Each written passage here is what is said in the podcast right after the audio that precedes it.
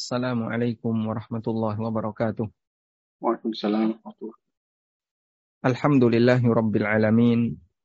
Wassalatu wassalamu ala ashrafil mursalin.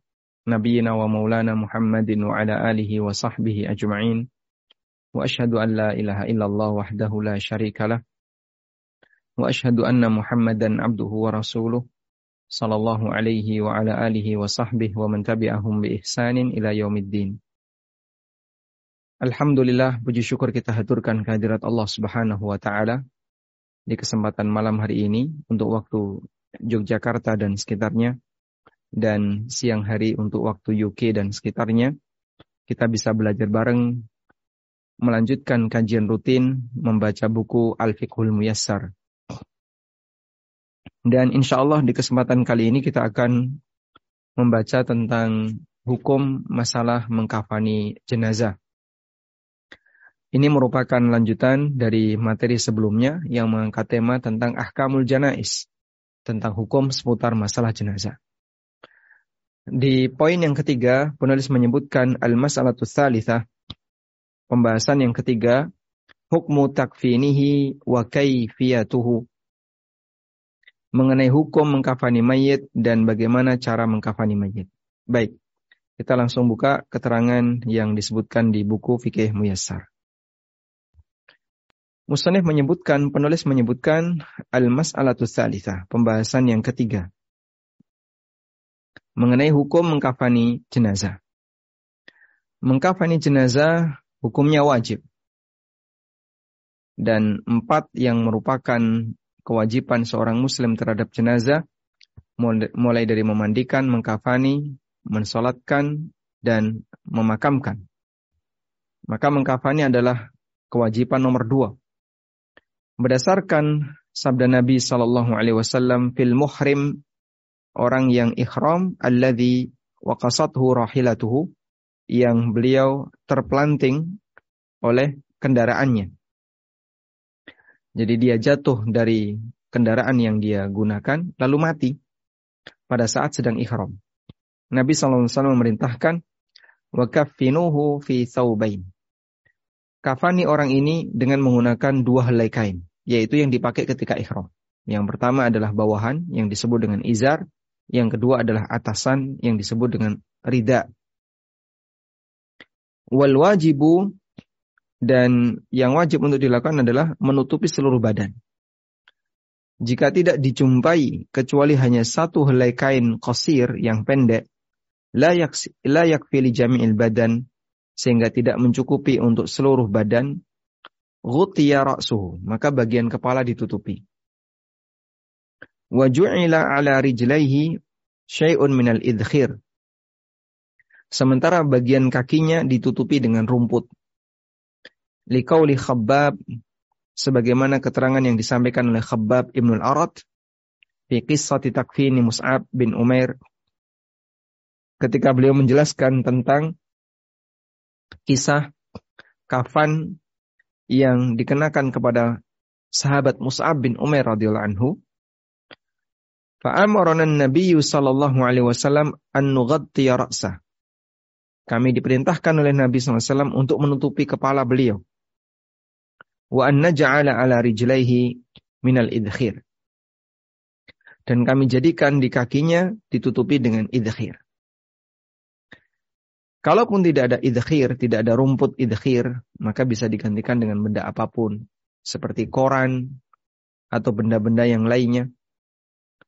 Kertas, dan seterusnya. Dan hadis ini sahih riwayat Bukhari Muslim. Sebab Mus'ab radhiyallahu anhu ketika beliau meninggal dunia, Mus'ab hanya menggunakan waktu perang, beliau hanya menggunakan satu helai kain. Yang itu dipakai untuk menutupi badannya. Sehingga mungkin, mungkin dalam bayangan saya, kita seperti pakai satu sarung, lalu diikatkan di leher. Sehingga mungkin pundaknya kelihatan, sambil membawa senjata, kemudian ikut berperang bersama Nabi SAW. Dan ketika itu Mus'ab bin Umar bertugas sebagai pembawa bendera. Dan di masa silam, dalam aturan perang, apabila bendera itu jatuh maka berarti pasukan itu dianggap kalah. Ya, sehingga meskipun jumlah pasukannya masih banyak, kalau bendera utamanya jatuh, berarti dia dianggap kalah. Maka pada waktu perang, pembawa bendera menjadi sasaran bagi pasukan musuh. Sehingga ketika Mus'ab ditugaskan, Mus'ab bin Umair radhiyallahu anhu ketika ditugaskan untuk membawa bendera, maka beliau menjadi sasaran musuh. Dan yang membunuhnya adalah Ibnu Qami'ah. Ibnu Qami'ah menyangka Mus'ab itu Nabi Muhammad SAW. Sehingga dalam peristiwa perang Uhud yang demikian berkecamuk, Mus'ab bin Umair radhiyallahu anhu membawa bendera itu diserang oleh Ibnu Qami'ah dengan tombaknya sambil dia menunggangi kendaraan mungkin kuda atau yang lainnya. Sampai akhirnya Mus'ab terjatuh dan meninggal dunia. Lalu Ibnu Qami'ah mengatakan dengan keras, dia berteriak, Qataltu Muhammadan.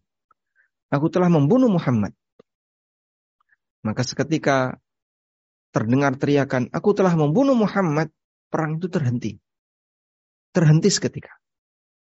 Orang musyrikin menghentikan uh, pertengkarannya dengan kaum muslimin juga menghentikan pertengkarannya dengan orang musyrik pada waktu perang. Jadi mungkin mereka sedang berduel berdua, sedang adu senjata, tapi begitu ada teriakan kotel itu Muhammad dan semuanya terhenti.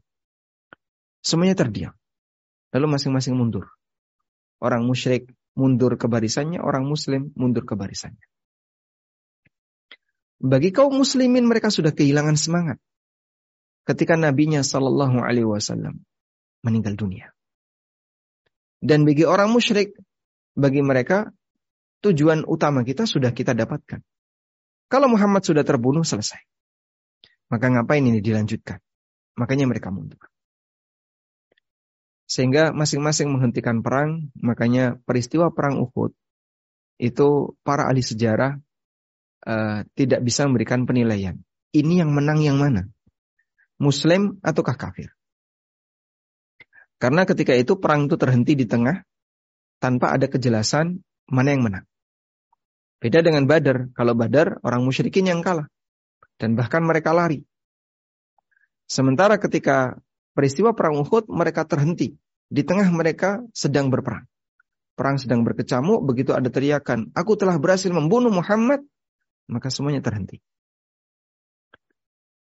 Karena itu kalau disebut bahwasanya dalam perang Badar kaum muslimin menang, perang Uhud orang musyrikin menang. Ini uh, tidak disepakati. Sebab korban di kalangan orang musyrik juga sangat banyak ketika peristiwa perang Uhud. Baik, kembali kepada kejadian yang dialami oleh Mus'ab bin Umair radhiyallahu Setelah Mus'ab meninggal dunia, maka beliau dikafani dan kafan yang digunakan oleh Mus'ab adalah pakaian yang beliau gunakan. Saat digunakan untuk nutupi kepala, kakinya kelihatan. Digunakan untuk nutupi kaki, kepalanya kelihatan. Masya Allah. Dan hanya satu helai kain itu yang dipakai oleh Mus'ab. Maka Nabi Shallallahu Alaihi Wasallam minta an ra'sa. Kami diperintahkan untuk menutupi kepala beliau. Wa an naj'ala ala rijlaihi minal idkhir. Dan kami diperintahkan untuk menutupi bagian kakinya dengan menggunakan rumput idkhil. Masya Allah. Siapa manusia yang kondisinya kayak gini? Kita tidak pernah menjumpai semiskin apa pun orang di negara kita, nggak ada ceritanya kain kafan kurang, tidak mencukupi badannya. Masya Allah. Wala yughatta ra'sul muhrim az-zakar dan kepala orang yang sedang ihram. Jenazah yang mati dalam kondisi ihram, kepalanya tidak ditutupi. Yang laki-laki. Likaulihi sallallahu alaihi wasallam berdasarkan sabda Nabi sallallahu alaihi wasallam, "Wala tukhammiru ra'sa." Jangan tutupi kepalanya. Wa yakunu dhalika bi la yasiful bashrah satiran dan yang namanya kain kafan harus menggunakan kain yang dia tidak tidak nerawang, ya, tidak transparan. Satiran bisa menutupi badan. Wa yajibu ayyakuna min malbusin mithlahu li'annahu la ijhafa 'ala al-mayyit wala 'ala warathatihi. Dan wajib menggunakan kain malbusin mithlahu apa yang biasa dipakai. Jadi kualitasnya dipakai eh, kualitas kain kafan itu sebagaimana yang biasa dipakai. Karena tidak boleh uh, ijhaf alal mayyit. Tidak boleh apa ya? Uh, bertindak sembrono terhadap mayit atau memberatkan mayit wala ala warathatihi dan juga tidak boleh memberatkan ahli warisnya. Tidak boleh bertindak sembrono kepada mayit dan tidak boleh memberatkan ahli warisnya. Sehingga mengenai jenis kain yang pertengahan. Tidak terlalu mewah, dan tidak terlalu murah. Baik. Wasunnatu takfinu rajuli fi thalathi lafaif. Dan dianjurkan di sunnahnya adalah mengkafani lelaki dengan menggunakan tiga helai kain. Yang berwarna putih berbahan katun. Tubsatu ala ba'diha wa yudau 'alaiha mustalqiyan. Kemudian satu sama lain ditumpuk lalu jenazah itu ditaruh di tengahnya terlentang. Summa uh, yaruddu tarfal ulya min al-janibil aisar ala syakil aiman thumma tarfal aiman al aisar kemudian ditutupkan secara bergantian. Bisa dipraktekkan nggak di sini ada. Nah, ini masalahnya pakai tisu. Insyaallah. Baik. Coba lihat itu ada botol. Nah, Nih, pakai tisu yang sini. Jadi intinya di sini bagaimana cara nutupkan kain kafan.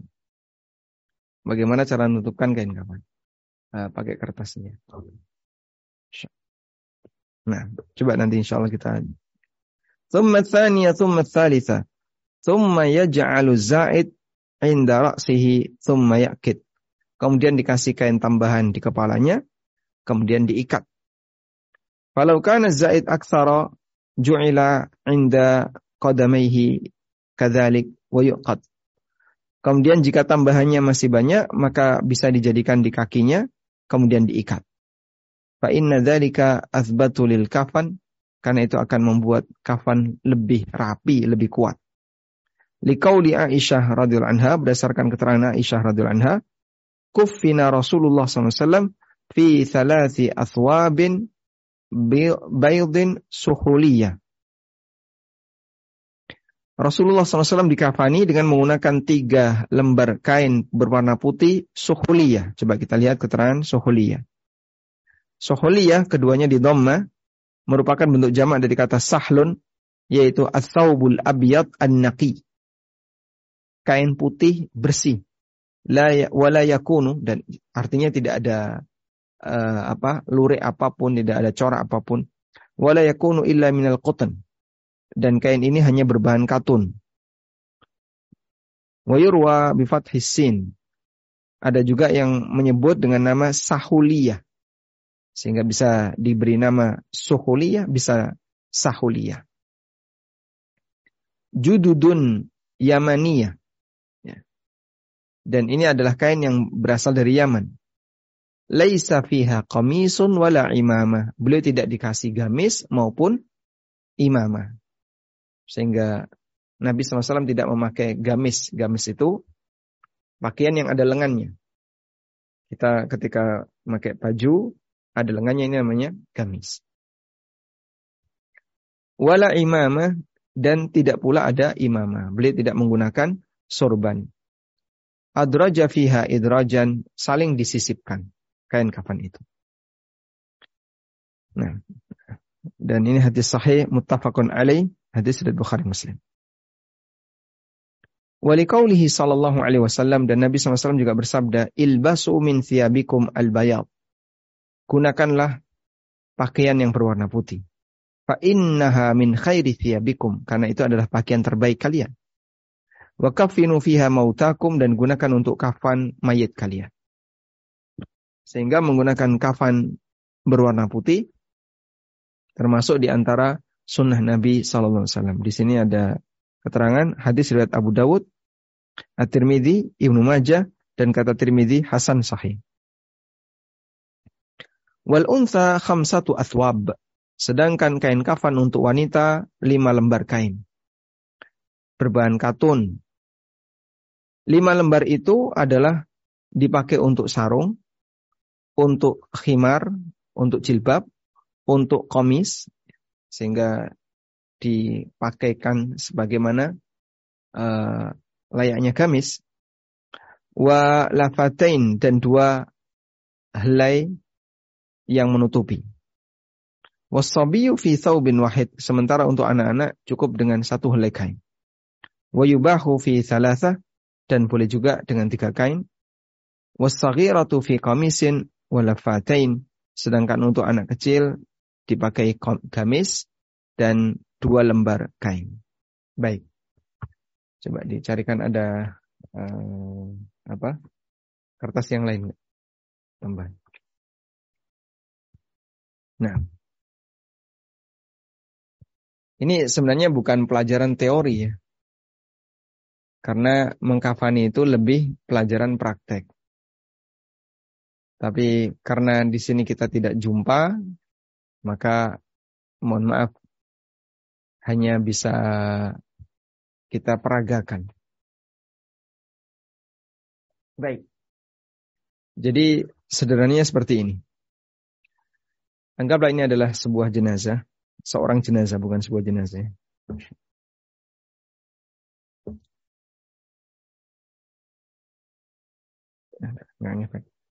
Ini adalah seorang jenazah.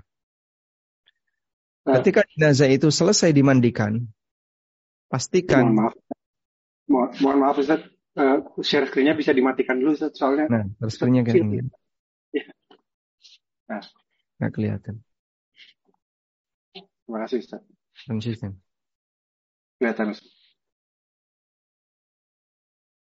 Hal yang perlu dipastikan bahwa ketika jenazah itu selesai dimandikan, pastikan aurat besar selalu dalam posisi tertutup.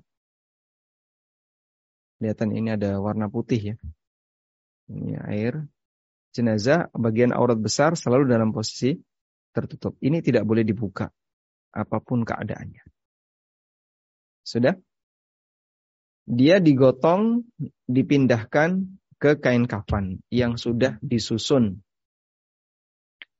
Nah, menyusun kain kafan ada banyak cara yang itu dipengaruhi oleh budaya. Saya bisa sebut demikian karena beberapa praktek yang saya saksikan ketika saya belajar itu beda-beda antara satu daerah dengan daerah yang lain. Pada waktu di Jawa Timur di Lamongan ketika belajar dengan uh, mutin ya. Sana nyebutnya mutin atau Pak Kaum dan waktu itu saya masih SMP. Kalau ada mayit, mungkin anak-anak seusia saya pada ketakutan. Ya meskipun ada juga teman-teman yang ikut. Saat Pak Mudin itu mengkafani, saya pengen ikut nonton. Sehingga saya dapat informasi dari beliau gimana sih cara mengkafani mayit. Di tempat yang lain ternyata berbeda. Waktu saya belajar salah satu pegawai KUA yang ngajarin tentang itu di Jogja, beliau punya cara yang berbeda. Sehingga kita bisa simpulkan bahwa mengkafani jenazah itu berbeda-beda dipengaruhi oleh kondisi budaya yang ada di masyarakat. Baik. Namun, di situ ada bagian sunnah yang bisa kita kerjakan. Berbeda nggak masalah, Anda ikuti saja. Di sini biasanya kayak gimana? Kayak gini, baik ikuti itu. Tapi bagian sunnahnya jangan Anda tinggalkan. Sebisanya ya. Nah, yang pernah saya pelajari ada dua cara. Pertama begini, sebelum jenazah ini diletakkan di kain kafan, maka kain satu digelar. Lalu dikasih minyak wangi, kasih kapur barus yang bentuknya bubuk, sudah? Dan sudah tersedia ikatan ya, apa, uh, tali-tali yang nanti akan dijadikan sebagai calon ikatan. Tali, nanti di sini ada tali lagi, ini ada tali lagi, ada tali lagi. Sejumlah yang dibutuhkan. Nggak ada acuan khusus. Tali itu jumlahnya berapa Pak? Bebas. Yang jelas ujung-ujung kepala, kaki, jelas ada ya. Kemudian bagian leher, nanti bagian dada, terus bagian uh, apa selangkangan ya, ya kurang lebih sekitar kemaluan terus bagian lutut kemudian nanti bagian tumit terus ujung kaki kalau orangnya tinggi ya bisa ditambah jadi jumlah tali untuk kafan itu tidak ada batasan angka berapa maksimal berapa minimal nggak ada bayi ya tiga cukup Dua kalau perlu cukup. Empat boleh nggak Pak? Silahkan. Sesuai kebutuhan. Sudah? Jadi tali ini dipasang dulu. Baik, setelah talinya dipasang, pastikan posisi tali karena nanti ketika ditali itu diikat sebelah kanan atau kiri. Kanan atau kiri? Sebelah kiri. Sebab jenazahnya dibuat miring miringnya ke kanan. Maka talinya diikat di sebelah kiri. Maka bagian yang panjang di sebelah kanan. Biar nanti dia waktu diputar bisa diikat di sebelah kiri. Sudah? Setelah tali terpasang, dikasih lapisan pertama, dikasih minyak wangi, kasih bubuk kapur barus, dan seterusnya. Sudah? Kemudian lapisan yang kedua. Nah, lapisan yang kedua itu dibuat serong begini. Jadinya begini. Lapisan pertama lurus, lapisan kedua dibuat nyerong. Ini ukurannya nggak sama ya. Itu ada penggaris. Itu tuh ini ini dipotong aja ini ini. Bulan ini itu ada penggaris itu di sini. Di bawah itulah di bawah lemari kaki. Nah. Coba diganti. Masya Allah.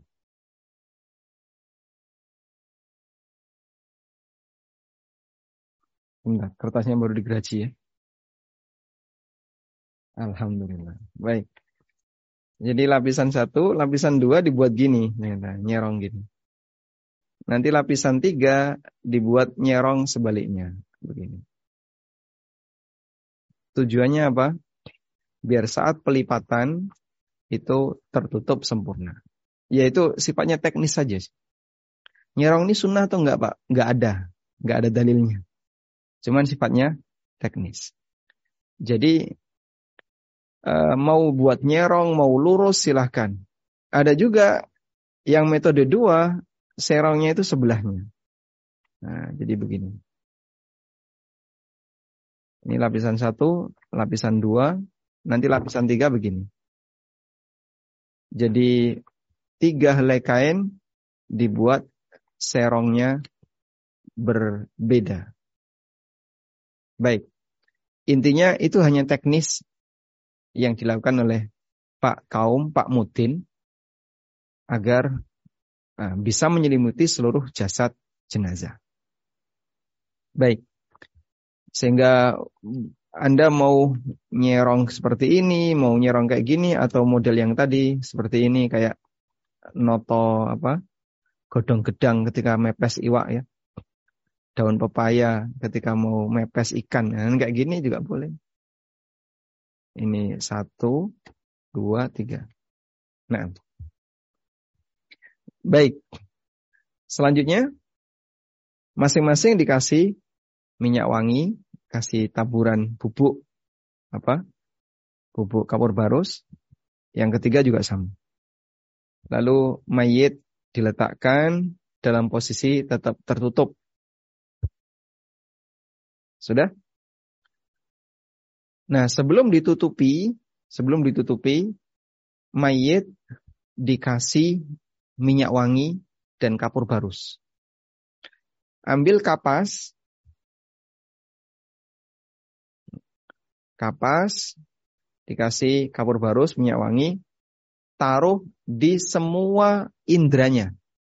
Mata, telinga, hidung, mulut, ya, dan semua tulang lunaknya.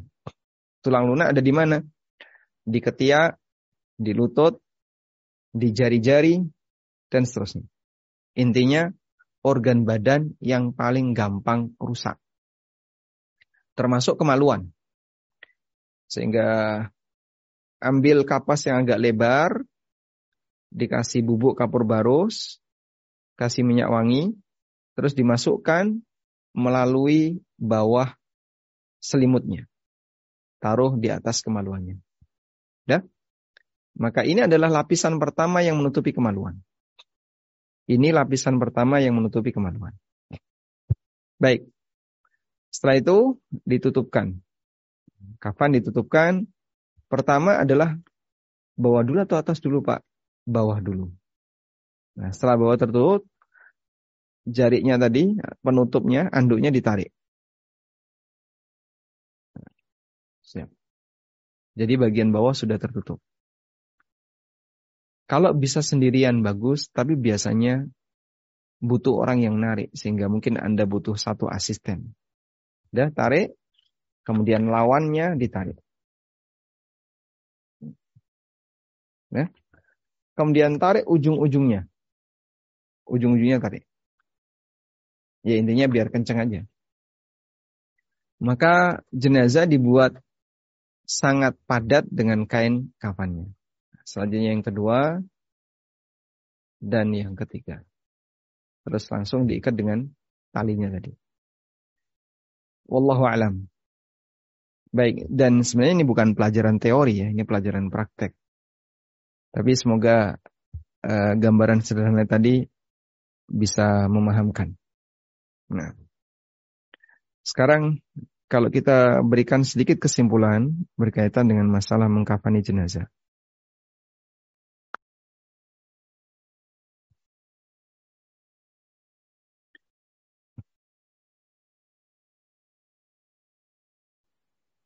tentang mengkafani jenazah, ada beberapa yang ingin kita buat kesimpulan.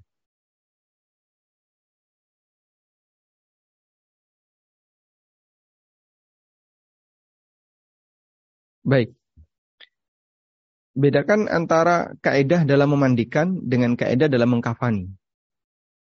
Kalau dalam memandikan, ada jenazah yang dia boleh tidak dimandikan. Bahkan tidak boleh dimandikan, bukan boleh tidak dimandikan ya. Tidak boleh dimandikan, yaitu jenazah yang meninggal di perang, di peristiwa jihad, perang, maka dia tidak boleh dimandikan. Sedangkan untuk kafan berlaku bagi semua jenazah. Berlaku bagi semua jenazah. Kalau memandikan ada yang dikecualikan, kalau kafan berlaku bagi semua jenazah. Maka tidak ada istilah jenazah yang tidak boleh dikafani itu tidak boleh. Tidak ada. Karena tidak mungkin kita uh, membiarkan jenazah dalam kondisi telanjang. Sebab menjaga kehormatan mereka disyariatkan. Baik. Berlaku bagi semua jenazah. Kecuali orang ikhram orang yang mati dalam kondisi ihram. Orang yang mati dalam kondisi ihram, kepalanya tidak ditutup. Itu saja bedanya. Kepalanya tidak ditutup. Selain itu, kepalanya ditutup. Baik. Kemudian, catatan berikutnya. Ini satu, yang kedua. Yang ketiga, bahwa uh, kafan minimal, kafan minimal adalah yang bisa menutup aurat Kafan minimal adalah yang bisa menutup aurat. Sehingga di sini bisa satu helai. Maka dalam kondisi yang sangat terpaksa misalnya. Orang sudah tidak memiliki apa pun. Selain hanya satu helai kain. Sarungnya tok. Maka sarung ini dipakai untuk menutupi terutama adalah bagian aurat. Dan kalau masih ada yang lebih, maka ditutupkan ke kepala.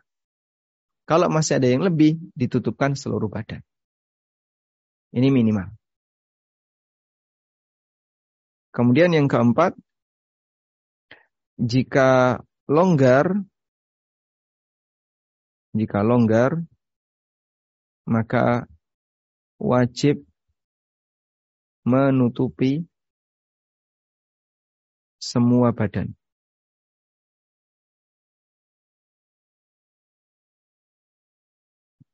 Sehingga kalau longgar tidak boleh. Kemudian bagian atas saja, sementara bagian bawahnya dipotong. Itu tidak boleh. Harus ditutupkan ke seluruh badan.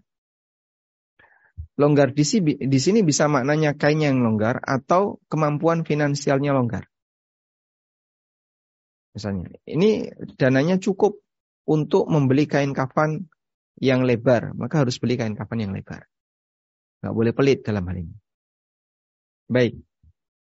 Yang kelima, perlengkapan kafan Perlengkapan kafan diambil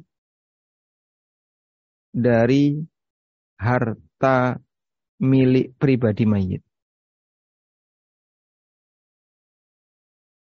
Diambil dari harta milik pribadi mayit. Dengan dalil peristiwa Mus'ab bin Umair radhiyallahu anhu.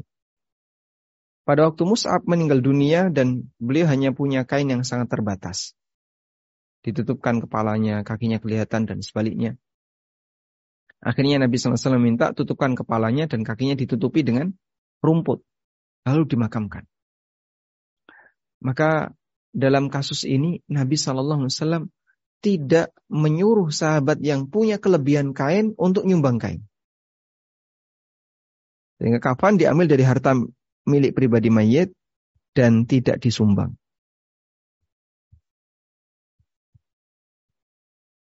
maka tidak uh, tidak di, di apa bukan bagian dari sunnah menyumbang untuk kain kafan tapi dianjurkan untuk uh, kain kafan itu menggunakan harta pribadi mayit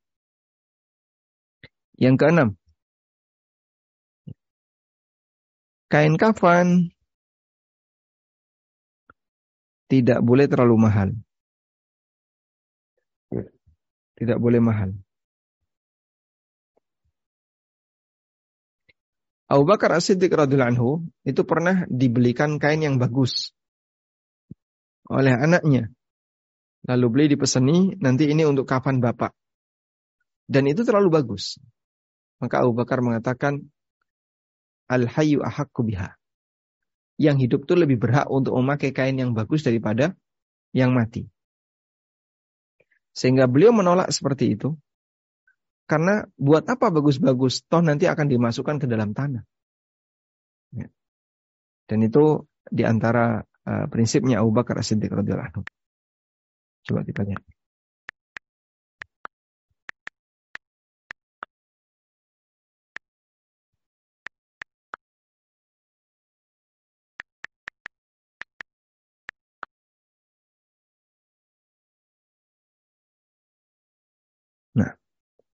Ini ada uh, sebuah keterangan.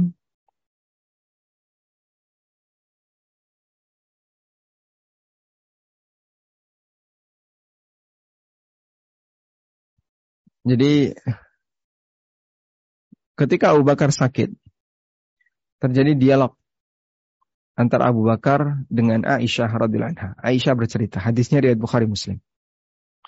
Dakhaltu ala Abi Bakrin radhiyallahu anhu. Aku pernah menjumpai, menemui Abu Bakar radhiyallahu anhu. Faqala, kemudian Abu Bakar bertanya kepada Aisyah, "Fikam kafantumun Nabiya sallallahu alaihi wasallam?"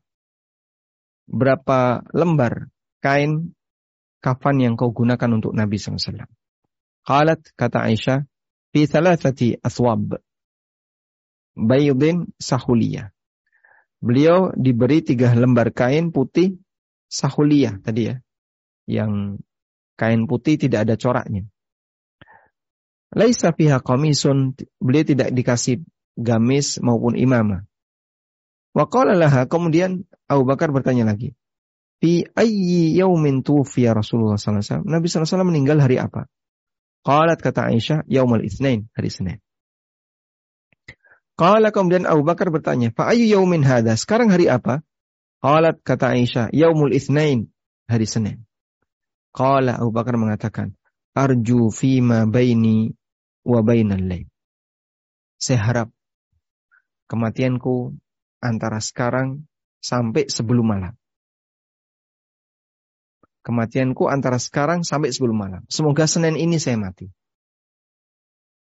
Karena kalau sudah maghrib berarti sudah ganti hari, yaitu hari Selasa. Fanadhara ila thawbin alaih. Kemudian Abu Bakar melihat ke arah pakaian yang beliau gunakan. Karena yumarridu fihi rad'un min za'faran. Beliau mengalami sakit karena yumarradu beliau mengalami sakit dan yumarradu fihi dan menggunakan kain itu. Beliau melihat ke arah kain yang beliau pakai. Yumarradu fihi dan Abu Bakar ketika dirawat pada saat sakit melihat uh, beliau menggunakan kain itu. Bihi rad'un min za'faran yang di kain itu ada uh, apa? one text sebagian one text dari za'faran. Faqala kemudian Abu Bakar mengatakan irsilu thawbihada. Cuci kainku ini. Wazidu alaihi taubaini dan tambahkan dengan dua kain. Fakaffinuni fiha. Lalu kafani aku dengan kain tersebut. Dan mohon diperhatikan bahwa pakaian sehari-hari masyarakat Arab di zaman Nabi SAW dan para sahabat itu seperti pakaiannya orang yang sedang ihram. Dua helai kain, satu menutupi bawahan, satu menutupi atasan. Maka Abu Bakar radhiyallahu anhu ketika melihat kain yang beliau gunakan waktu sakit, beliau mengatakan, tolong cuci pakaian ini, kain ini, dan nanti kafani aku dengan kain tersebut, ditambah dua helai kain. Kultu, maka Aisyah mengatakan, Inna hada khalaqun. Ini kain sudah tua. Kainnya sudah usang. Kala, coba perhatikan, apa kata Abu Bakar?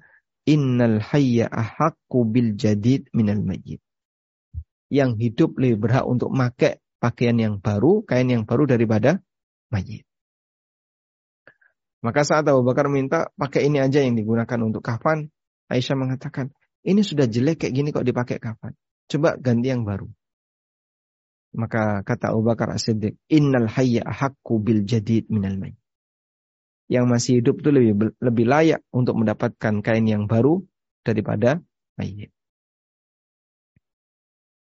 Innama huwa lil muhlati falam yutawaffa hatta amsa min lailati ats-tsulatsa. Wa dufina qabla ayusbiha.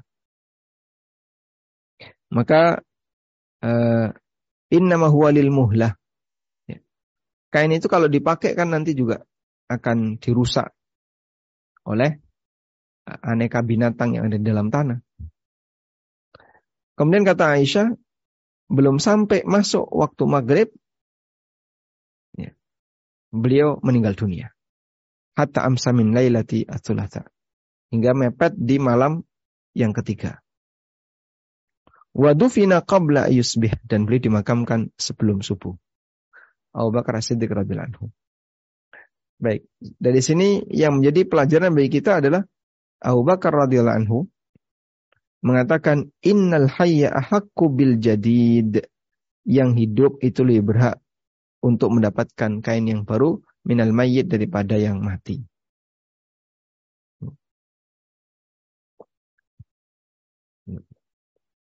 Sehingga ini menjadi dalil bahwa kain kafan tidak boleh mahal. Sekarang kan kain kafan semuanya baru, Pak. Iya, nggak ada kain kafan bekas. Orang tidak mau kain kafan bekas. Ada nggak kafan? Nggak ada yang jual ya. Yang baru aja murah. Baik. Terus gimana kata Abu Bakar yang yang hidup lebih berhak untuk memakai yang baru daripada yang mati. Maka maksud Abu Bakar di situ adalah yang hidup lebih berhak untuk mendapatkan yang lebih mahal daripada yang meninggal dunia. Oleh karena prinsipnya adalah kain kafan tidak boleh mahal. Wallahu alam. Nah, kemudian yang ketujuh, keberadaan komis. Lalu uh, apa? Ada imamah. Ya. Kemudian apa lagi? Keberadaan komis atau imamah itu sifatnya tambahan dan ini tidak wajib. Nah, tapi kalau mau membuat gamis untuk mayit gimana, Pak? Coba kertas tadi mana? Atau pakai ini aja.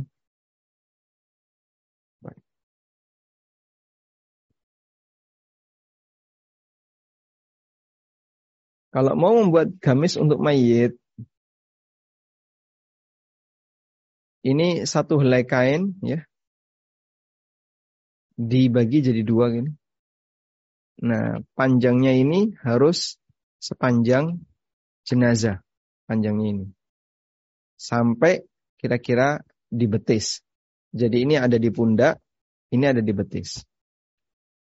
Ini di pundak mayit, ini di betis mayit. Sudah? Terus bolongi bagian ini. Nah, nah bagian ini dibolongi. Ketika bagian itu dibolongi, maka Misalnya ini ya, saya pakai tisu aja. Kalau dilipat, bagian ini dibolongnya. Ketika dibolongi, nanti dipakai untuk tempat kepala. sehingga jenazahnya seperti ini. Baik, ini yang dimaksud dengan komis, gamis ya. Ini ini tidak simetris, ini terlalu terlalu lebar. Harusnya panjang ke bawah. Maka nanti jenazahnya jadinya seperti ini. Nah, setelah dia dikasih gamis. Terus ini sampai betis bawahnya. Baik, jadi nggak perlu dijahit ya. Terus makainya gimana Pak? Nah kan gampang, cuman lipetan bolong tengah untuk kepala. Masukkan kepala, tinggal tarik aja. Terus bagian bawah, bagian bawah dibantu oleh teman untuk narik lurus ke bawah. Itu kalau mau diberi gamis dan imamah. Tapi Nabi SAW tidak memakai gamis dan imamah saat dikafani. Kalau wanita mau dipakein seperti ini, tapi bentuknya bukan imamah, tapi jilbab ya, silahkan. Sehingga dibuat kain dari eh, dibuat dari kain kafan, dipotong seperti bentuk jilbab. Wallahu alam. Tapi ini sifatnya tidak wajib. Andaikan cuman kain aja ditumpuk-tumpuk terus digulung, yang penting sudah tidak terlihat auratnya, sah. Wallahu alam. Sehingga Anda bisa perhatikan di situ adalah dalam masalah mengkafani ada batas minimal dan ada yang itu merupakan batas keabsahan dan ada batas ideal di mana bagian yang sunnah juga diamalkan. Wallahu alam. Baik. Kemudian yang nomor delapan ya. Pastikan seluruh kafan pastikan seluruh kafan telah diberi uh, kapur barus. Bubuk kapur barus ini akan mengurangi uh, potensi binatang-binatang tanah untuk mendekat ke jenazah. Bau kapur barus mereka nggak suka menghindar. Sehingga diberi kapur barus. Bisa nggak Pak hanya minyak wangi saja? Salah sasa saja. Bahkan tidak dikasih minyak wangi pun nggak apa-apa. Tapi ketika dikasih kapur barus, ketika dikasih kapur barus itu akan lebih awet jenazahnya dan tidak mudah diserang oleh binatang yang ada di dalam tanah. Wallahu a'lam. Baik, mungkin demikian yang bisa kita sampaikan sebagai mukaddimah. Kemudian di sini ada pembahasan yang keempat tentang sholat untuk mayit. Baik, kita coba baca. As-salatu 'alal mayyit hukmuha wa daliluha. Pembahasan yang keempat adalah salat mensolati jenazah, hukum dan dalilnya. Salat jenazah hukumnya fardu kifayah. Wajib kifayah. Apabila sebagian sudah melaksanakan, maka dosa yang lain menjadi gugur. Dalilnya adalah sabda Nabi SAW, Fiman mata wa alaihi dain. Ada orang yang mati sementara dia bawa utang. Kemudian Nabi SAW mengatakan, Sallu ala sahibikum, kalian saja yang nyolati. Wa qauluhu sallallahu alaihi wasallam yauma mautin Najasyi dan Nabi sallallahu alaihi wasallam pernah bersabda pada saat kematian Raja Najasyi, "Inna akhan lakum qad mat." Ada salah satu saudara kalian yang meninggal. Fakumu maka berdirilah.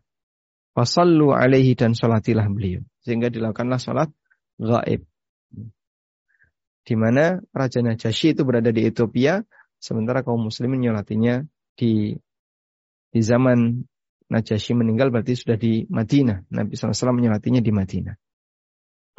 Wallahu alam. Sehingga sholat jenazah hukumnya fardu kifayah dan melaksanakan sholat jenazah mungkin di tengah masyarakat yang jarang melakukannya menghasilkan pahala yang besar. Karena dengan keberadaan orang ini akan mengingatkan orang lain untuk sholat jenazah. Saya pernah lihat ya, ketika layat seseorang, yang datang tuh ramai sekali buahnya. Tapi yang sholat nggak cukup satu soft. Satu soft masih banyak yang kurang. Masih cukup longgar. Ya. Sehingga di situ kita bisa lihat uh, apa ketika orang takziah mereka justru tidak memberikan yang terbaik bagi jenazah. Karena mereka tidak mensolati. Nah, itu kalau kemudian masyarakat tidak ngerti tentang bagaimana fikih sholat jenazah yang benar. Wallahu a'lam. Baik, mungkin demikian yang bisa kita sampaikan sebagai pengantar. Insya Allah untuk pertemuan berikutnya kita akan bahas tentang syarat sholat jenazah, rukun dan sunnah-sunnahnya. Wassalamualaikum warahmatullahi Muhammadin wa ala alihi wa sahbihi. Baik, itu kalau saya kajiannya, saja sudah ada beberapa pertanyaan yang masuk dan ada pertanyaan sebetulnya yang dari kajian uh, waktu lalu Ustaz. Jadi saya mungkin dahulukan yang yang kemarin berkaitan hmm. dengan uh, apa berkaitan dengan Pas mayit memandikan mayit. Assalamualaikum warahmatullahi wabarakatuh. Uh, untuk alas mayit yang afdol itu seperti apa ya Ustaz? Karena ada beberapa yang menggunakan alas batang pisang, dipangku di paha untuk keluarga, dan alas seperti yang sudah dibuat uh, modernisasi modern. Yang baik yang mana Ustaz? Silahkan. Waalaikumsalam warahmatullahi wabarakatuh. Ini yang tadi sempat saya singgung bahwa kadang dalam menangani jenazah itu sangat rentan dipengaruhi oleh budaya masyarakat. Hmm. Kalau di Jogja itu menggunakan ranjang dan kadang menggunakan pelepah, uh, kadang menggunakan debok, debok itu pelepah ya. pisang. Pelepah pisang. Pelepah pisang. Jadi pelepah pisang diiris-iris, ya, kemudian ditata rapi, ditusuk dengan bambu, Akhirnya dia jadi uh, jadi seperti pakunya, jadi sehingga dia tidak gampang lepas dengan kanan kirinya. Kemudian jenazah ditaruh di atas itu. Boleh seperti itu.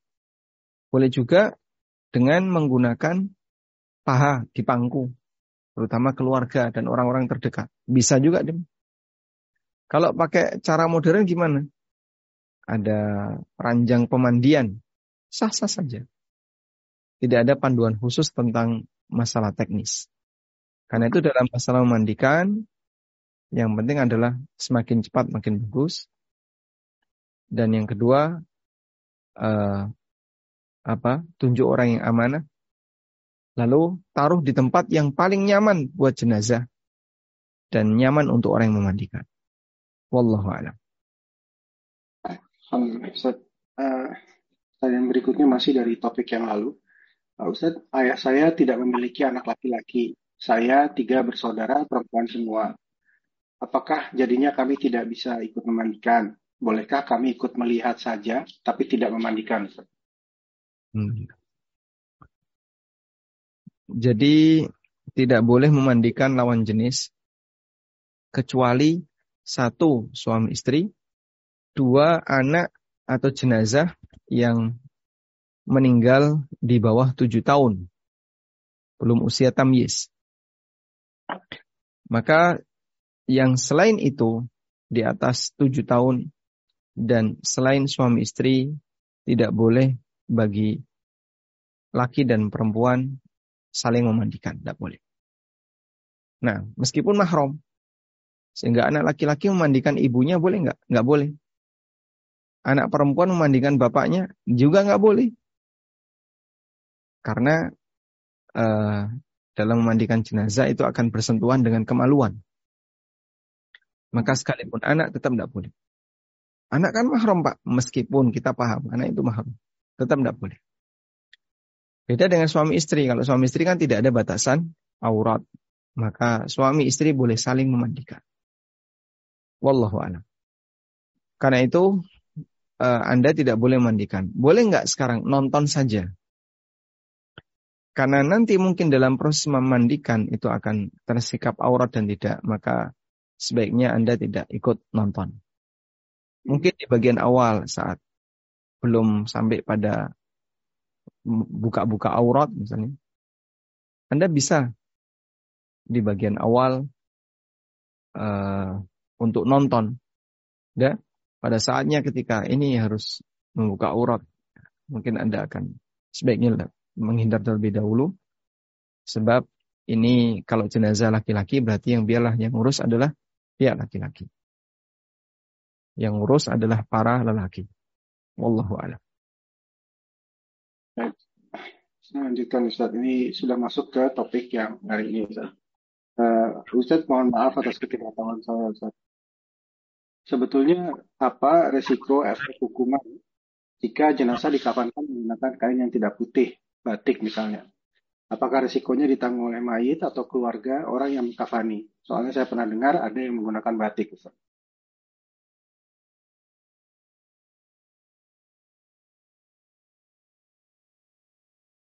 Enggak.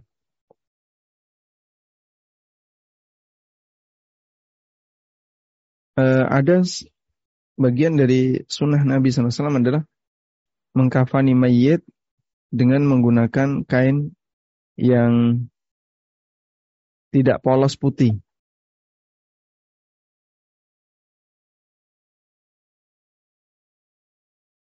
Coba.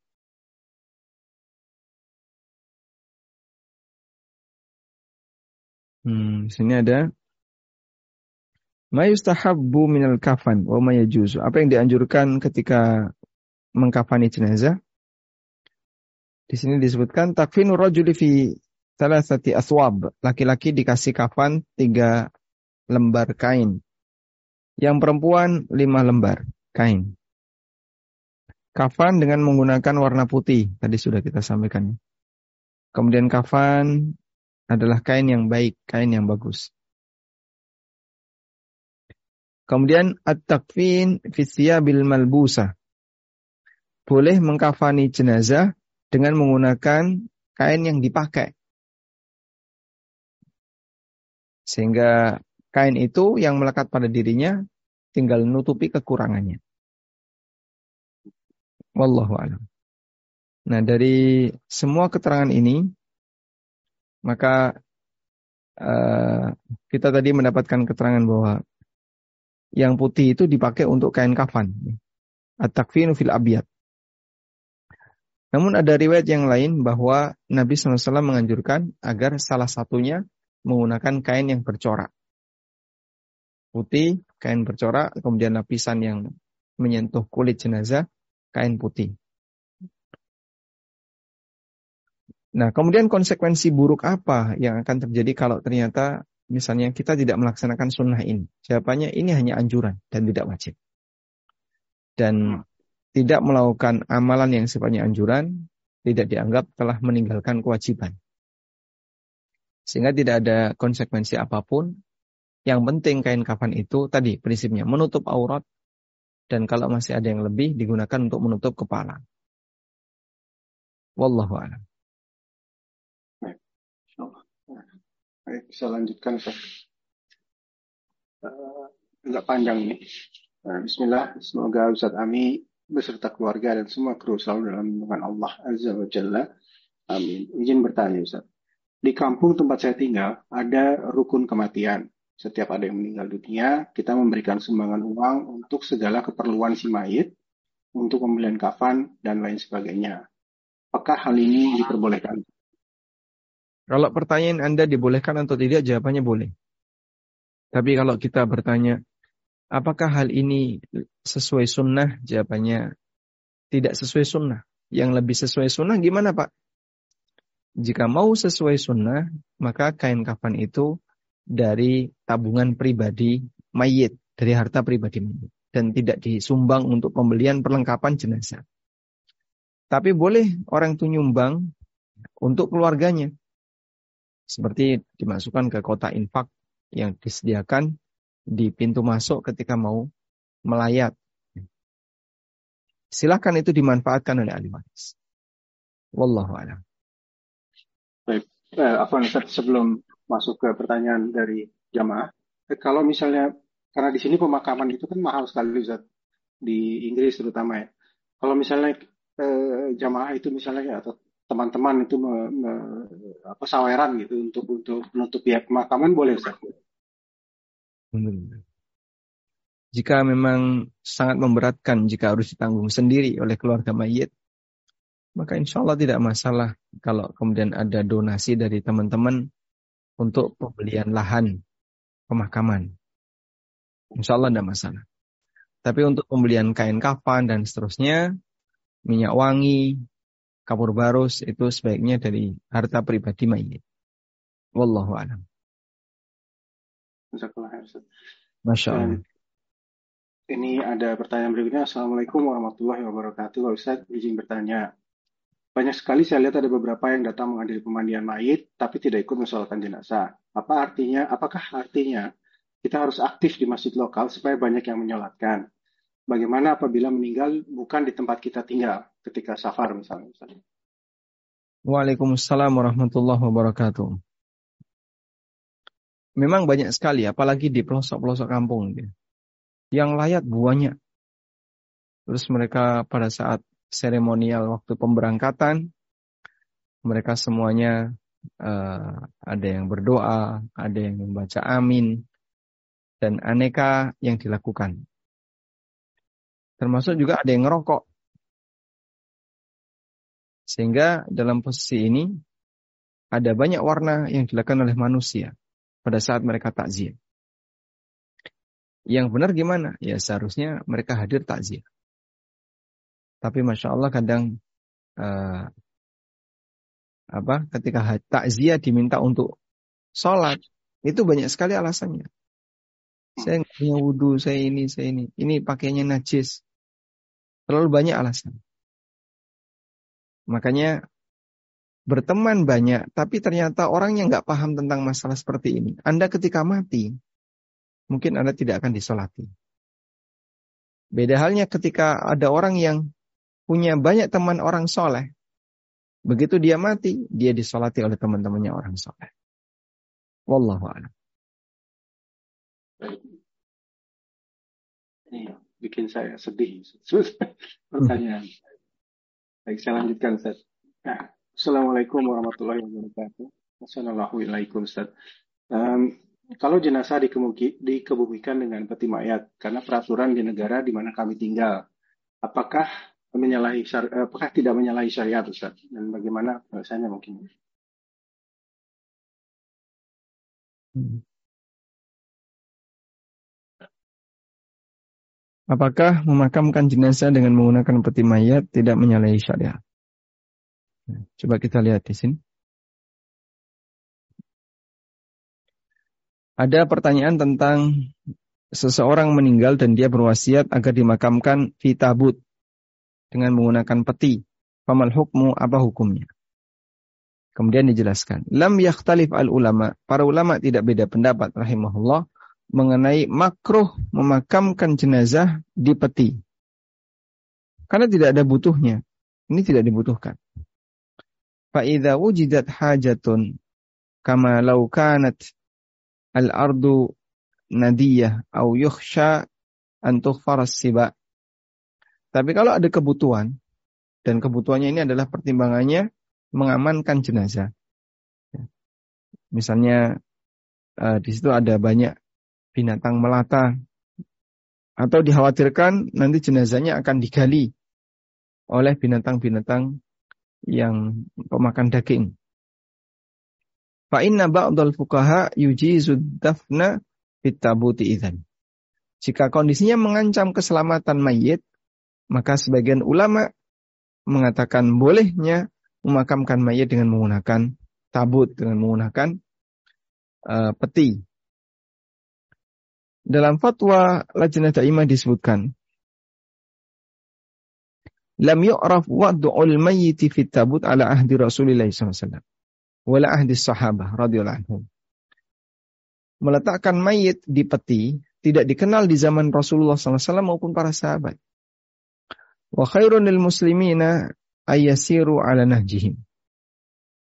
Dan yang terbaik bagi kaum muslimin adalah mengikuti ajarannya.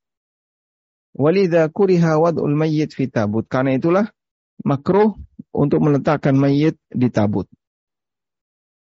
Di peti. Baik tanahnya itu keras maupun lunak dan yang lainnya. Bahkan dinyatakan apabila mayit ini berwasiat untuk dimakamkan dengan menggunakan peti, lam tunfat wasiatuhu, maka wasiatnya tidak perlu dilaksanakan. Wa ajaza syafi'iyah sementara syafi'iyah membolehkan idza kanatil ardu rahwa au nadiyah apabila tanahnya itu labil. Sehingga karena tanahnya labil, maka dia dimakamkan dengan menggunakan peti. Wala tunfad wasiyatuhu indahum illa fi mithli hadhil hal. Wallahu alam. Dan wasiatnya tidak akan ditunaikan kecuali ketika ada keadaan seperti ini.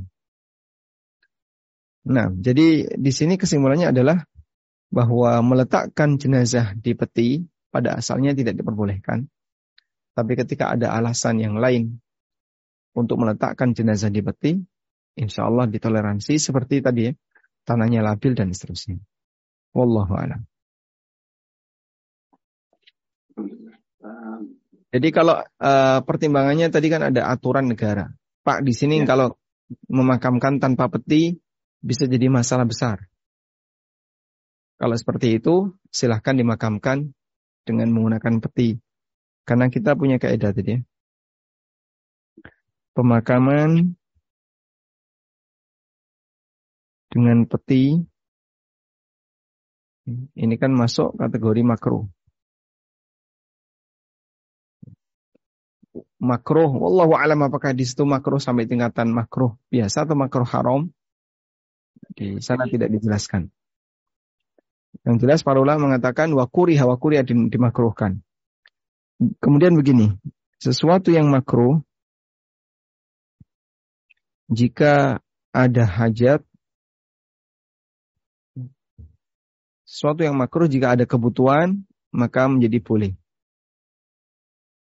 Sesuatu yang haram kalau karena darurat jadi boleh, sesuatu yang makruh karena ada kebutuhan jadi boleh. Sehingga kalau di negara tersebut dilarang menggunakan atau pemakaman tanpa peti, maka silahkan Anda makamkan dengan menggunakan peti. Wallahu a'lam. Alhamdulillah. Uh, ini satu pertanyaan yang sesuai topik terakhir ini malam ini. Ustaz ada dua pertanyaan yang di luar topik. Bismillahirrahmanirrahim. Uh, Ustaz, kalau kita bersedekah untuk orang yang tidak mampu untuk kain kafan keperluannya, apakah mendapat pahala Ustaz? uh, untuk kaum duafa? Uh, realitanya mungkin kita nggak jumpa. Tapi kalau seperti ini apakah kita dapat pahala? Insya Allah dapat pahala. Andai kan betul ada orang yang sangat tidak mampu sehingga dia tidak bisa membeli kain kafan. Lalu kain kafan itu kita kasihkan ke orang tersebut. Apakah kita dapat pahala? Insya Allah dapat pahala. Wallahu a'lam. Alhamdulillah. Maaf ini Ustaz ada pertanyaan terakhir. Baru masuk ini. Uh, izin bertanya Ustaz, bagaimana cara menyikapi jika orang tua sudah berpesan kalau meninggal jangan dilakukan secara sunnah tapi dilakukan secara umum. Sedangkan dalam keluarga belum ada yang sunnah. Ini gimana? Baik. Wasiat yang bentuknya kurang baik, maka seharusnya dikoreksi oleh si penerima wasiat. Nah, kalau tadi yang bersangkutan, jika beliau menganggap bahasanya mengkafani mayat dengan cara seperti anak-anak ngaji itu repot misalnya. Atau menangani mayat dengan cara seperti ini terlalu repot. Maka beliau minta yang umum-umum saja. Apabila latar belakangnya adalah karena benci sunnah, itu tidak boleh. Benci sunnah bahaya. Tapi kalau latar belakangnya adalah ketersediaannya hanya ini, insya Allah tidak masalah. Karena itu, tidak mengamalkan sunnah ada yang sifatnya karena nggak suka dengan sunnah itu. Ada yang sifatnya karena tabiat. Nah yang membenci sunnah ini bisa bahaya. Makanya boleh saja misalnya orang menangani jenazah dengan hal yang meninggalkan bagian yang sunnah, tapi berangkatnya bukan karena kebencian. Hmm. Berangkatnya karena mungkin ini biar lebih gampang, lebih cepat dan seterusnya.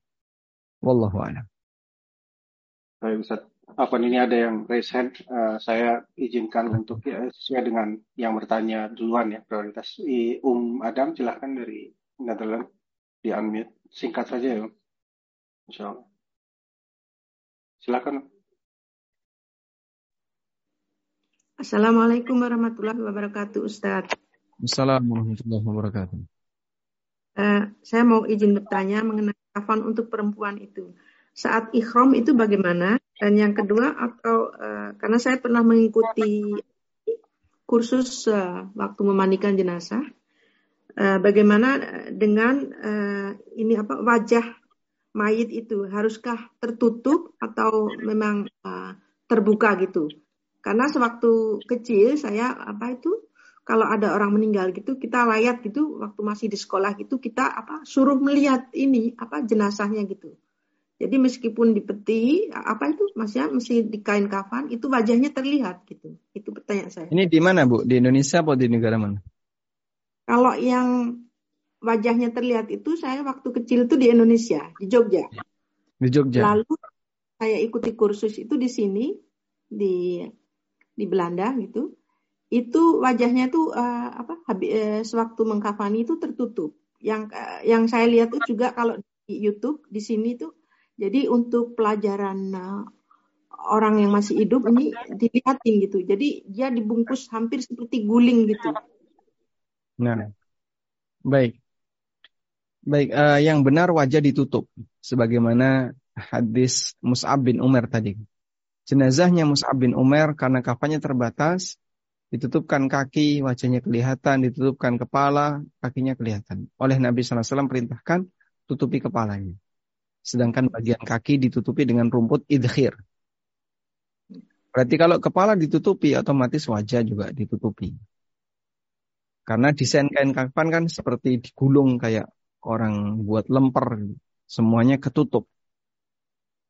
Baik. Apakah ada anjuran untuk membuka wajah? Jawabannya tidak. Jadi wajahnya juga ditutup. Lalu nanti pada saat pemakaman cukup dilepasi talinya tapi tidak perlu dibuka. Jadi jangan dibuka wajahnya. Orang punya keyakinan, buka wajahnya kalau enggak nanti malah bangun jadi pocong. Masya Allah. Hmm. Dan sampai sekarang keyakinan itu ada. Makanya ada orang yang lupa buka apa lu katanya waktu pemakaman ini lupa dibuka sehingga tali-tali di badannya itu lupa dibuka. Dia jadi pocong gentayangan minta dibukain. Ini jelas nggak benar ya. Baik. Karena Kalau itu yang eh? ikhram gimana Ustaz?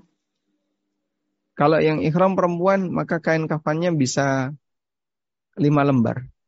Jadi kalau perempuan kan ada larangan untuk menutup kepala. Beda dengan laki-laki. Kalau laki-laki waktu ikhram dilarang menutup kepala. Kalau perempuan waktu ikhram sama sebagaimana ketika dia sholat di rumah. Nggak ada bedanya cara berpakaian. Maka kafannya juga sama. Wallahu a'lam. Jazakallah Barakallah.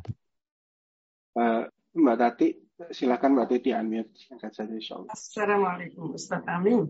Waalaikumsalam warahmatullahi wabarakatuh. Mas Rashid.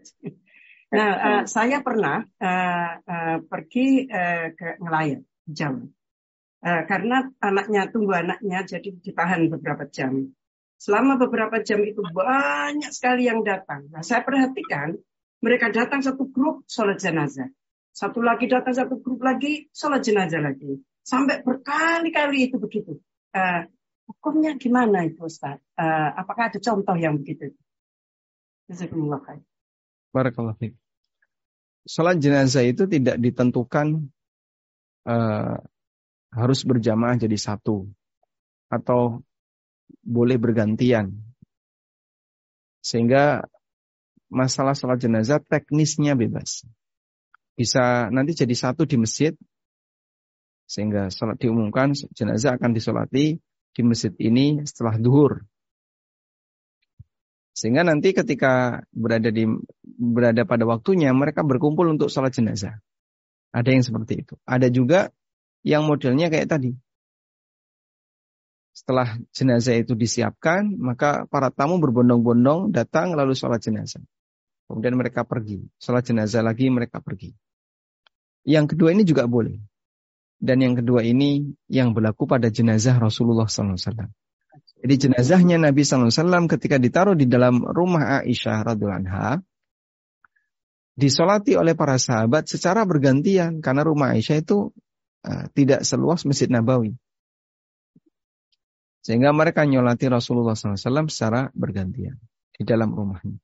Wallahu a'lam apakah mereka boleh sholat lagi kalau sudah sholat kalau itu di masjid sudah dibawa itu ke masjid semua orang berkumpul di situ apakah orang yang sudah menyolati tadi boleh uh, menyolati lagi? Pada asalnya hanya sekali. Pada asalnya hanya sekali. Meskipun ada sebagian riwayat Nabi SAW menyolati Hamzah itu beberapa kali. Dan hanya khusus Hamzah yang diperlakukan seperti itu. Kan saya. Adalah paman kesayangan Rasulullah SAW Hamzah bin Abdul Muttalib. Dan Hamzah meninggal saat peristiwa perang Uhud. Ya. Nah, sehingga uh, dalam hal tadi maka boleh saja misalnya dalam mengkafani jenazah apa dilebihkan wallahu a'lam. Terima kasih Mbak Tati. Uh, Afwan Ustaz ini ada dua pertanyaan di luar topik, boleh Ustaz? Silakan. Bismillah. Uh, Assalamualaikum Ustaz. Uh, apakah tahiyat apakah tahiyat akhir pada sholat subuh atau sholat sunnah dua rakaat itu posisi duduknya iftirosh? Karena saya baru dengar kalau rakaat sholat kita cuma perlu satu tahiyat, maka tahiyat akhirnya iftirosh. Hanya kalau perlu ada dua dua kali tahiyat dalam satu sholat, seperti sholat zuhur, asyar, maghrib, dan isya, maka tahiyat pertama iftirosh, dan di rakaat kedua dan tahiyat akhir baru dengan posisi tawarud. Bagaimana hukumnya kalau kita selalu uh, pakai iftirosh? Waalaikumsalam warahmatullahi wabarakatuh. Kaidahnya sudah benar nih. Hmm. Seperti yang Anda sampaikan, untuk sholat yang tasyahudnya hanya satu, maka duduk tasyahudnya berarti kan kalau satu tinggal tasyahud akhir saja maka duduknya iftirash. Tapi kalau sholat yang tasyahudnya dua kali, ada tasyahud awal dan tasyahud akhir, maka untuk tasyahud awal iftirash, tasyahud akhir tawarruk. Baik. Dan pembahasan ini sifatnya hanya pembahasan berkaitan dengan afdoliyah. Mana yang lebih afdol?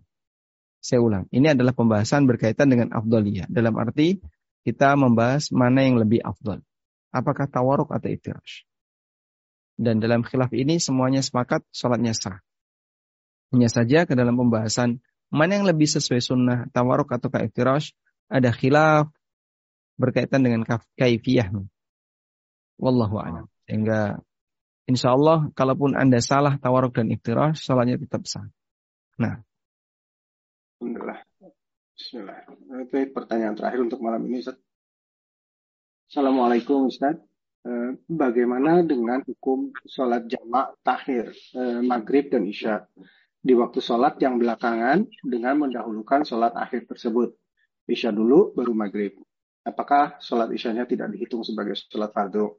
Bagaimana dengan kejadian yang sudah lewat? Apakah kita perlu mengulang sholat tersebut? Nah, Waalaikumsalam warahmatullahi Saya pernah nulis artikel tentang ini di konsultasi syariah.com dan kesimpulan yang disampaikan oleh Syekh Ibnu Utsaimin rahimahullah ada tiga cara yang bisa dilakukan. Cara yang pertama adalah jadi imamnya sholat isya, kita sholat maghrib. Maka yang mau kita lakukan adalah jamak takhir. Karena tadi waktu maghrib belum sempat, sehingga baru sempat sholat setelah masuk waktu isya. Cara yang pertama adalah Anda sholat maghrib tiga rakaat bersama imam yang empat rakaat. Lalu setelah dapat tiga, imam bangkit ke rakaat yang keempat, Anda duduk tasyahud akhir. Lalu salam, ya. kemudian nyusul, nyusul imam sesuai yang didapat. Kalau misalnya imam sudah karena Anda tadi kan tasyahud akhir. Imamnya berdiri ke rakaat yang keempat. Begitu Anda selesai tasyahud akhir, Anda salam, imamnya sudah iktidal atau sudah sujud. Maka Anda langsung bisa bergabung bersama imam ini. Dan berarti Anda masbuk empat rakaat. Wallahu a'lam. Cara yang kedua adalah setelah dapat tiga, lalu tasyahud. Tasyahud akhir.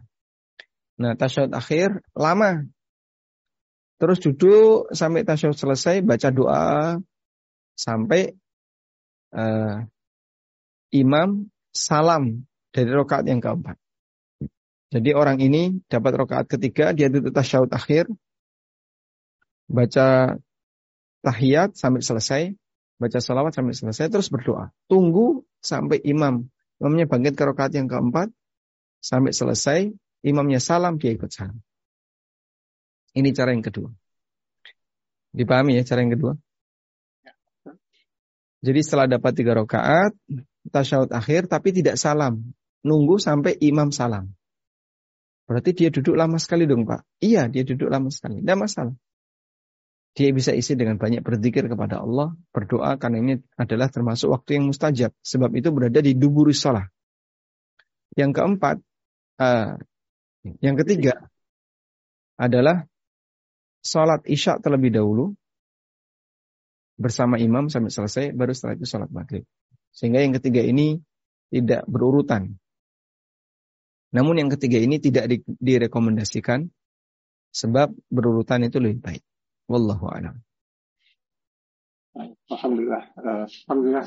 Uh, Ustaz uh, dan ini sudah uh, selesai pertanyaan sudah habis Ustaz sebelum kita tutup, uh, kami mohon ini Ustaz summary-nya untuk malam ini sehingga kita bisa tutup bersama-sama. Baik, uh, kita memahami bahwa dalam pembelajaran tentang masalah penanganan jenazah itu ada bagian teori dan dominan adalah praktek. Dan sebenarnya kata kunci untuk seperti ini adalah masalah mental. Artinya begini. Banyak kaum muslimin yang Kenapa mereka itu tidak terlibat dalam penanganan jenazah? Karena masalah mental. Ketakutan megang mayit, nggak enak ketika melihat mayit dan seterusnya. Dan ini tidak benar. Seorang muslim harus punya kemampuan dalam memandikan jenazah, mengkafani, mensolati, dan mendoakan. Oleh karena itu, bagi seorang muslim perlu untuk memperkuat mentalnya dan lihat jenazah, sentuh mereka ketika ada orang memandikan jenazah dengan jenis kelamin yang sama dengan dia dalam rangka untuk berlatih berani dalam masalah ini agar tidak takut ketika mau melayani kaum muslimin. Pada saat dia dibutuhkan. Wallahu a'lam. Baik demikian yang bisa kita sampaikan. Semoga menjadi kajian yang bermanfaat. Wassalamualaikum warahmatullahi wabarakatuh. Waalaikumsalam warahmatullahi wabarakatuh. Jazakumullah khairan uh, kepada Ustadz Ami dan juga kru di studio. Insya Allah kita akan bertemu kembali di kajian berikutnya. Uh, simak kembali uh, Instagram kami dan WhatsApp kami untuk kajian jadwal-jadwal kajian berikutnya. Dari kami mari kita tutup bersama dengan doa kepada Tuhan. Subhanakallahumma wa bihamdik. Ilaha illa anta. Mohon maaf jika ada kesalahan baik dalam sikap maupun perkataan. Barakallahu warahmatullahi wabarakatuh. Waalaikumsalam.